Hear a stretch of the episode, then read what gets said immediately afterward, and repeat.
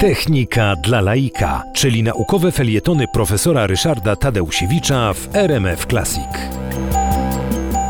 Najbliższy czwartek y, będzie odbywało się na AGH kolejne spotkanie, y, które y, co miesiąc organizujemy tutaj jako taką y, publiczną prezentację zagadnień naukowych. Nazywa się to AGH Nauka Spotkania i w najbliższy czwartek, to znaczy 19 maja, zapraszamy o godzinie 18 do AGH. Y, Wstęp jest oczywiście wolny. Na sali największej wykładowej, która ma oznaczenie U2, jest zaraz koło wejścia na AGH, y, będzie można wysłuchać dwóch referatów. Jeden mój na temat szans i zagrożeń sztucznej inteligencji oraz drugi, y, no, o którym nie będę opowiadał, no bo, że tak powiem, to jest dzieło y, innego autora, ale też zapewniam, że godne uwagi.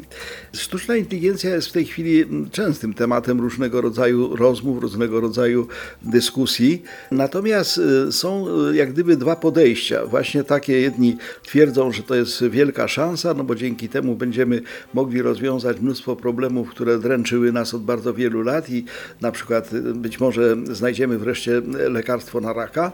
No a inni twierdzą, że ta sztuczna inteligencja albo nas wymorduje, no bo przecież te maszyny będą mądrzejsze od nas i mogą wtedy nas zgładzić, e, albo po prostu pozbawią nas pracy.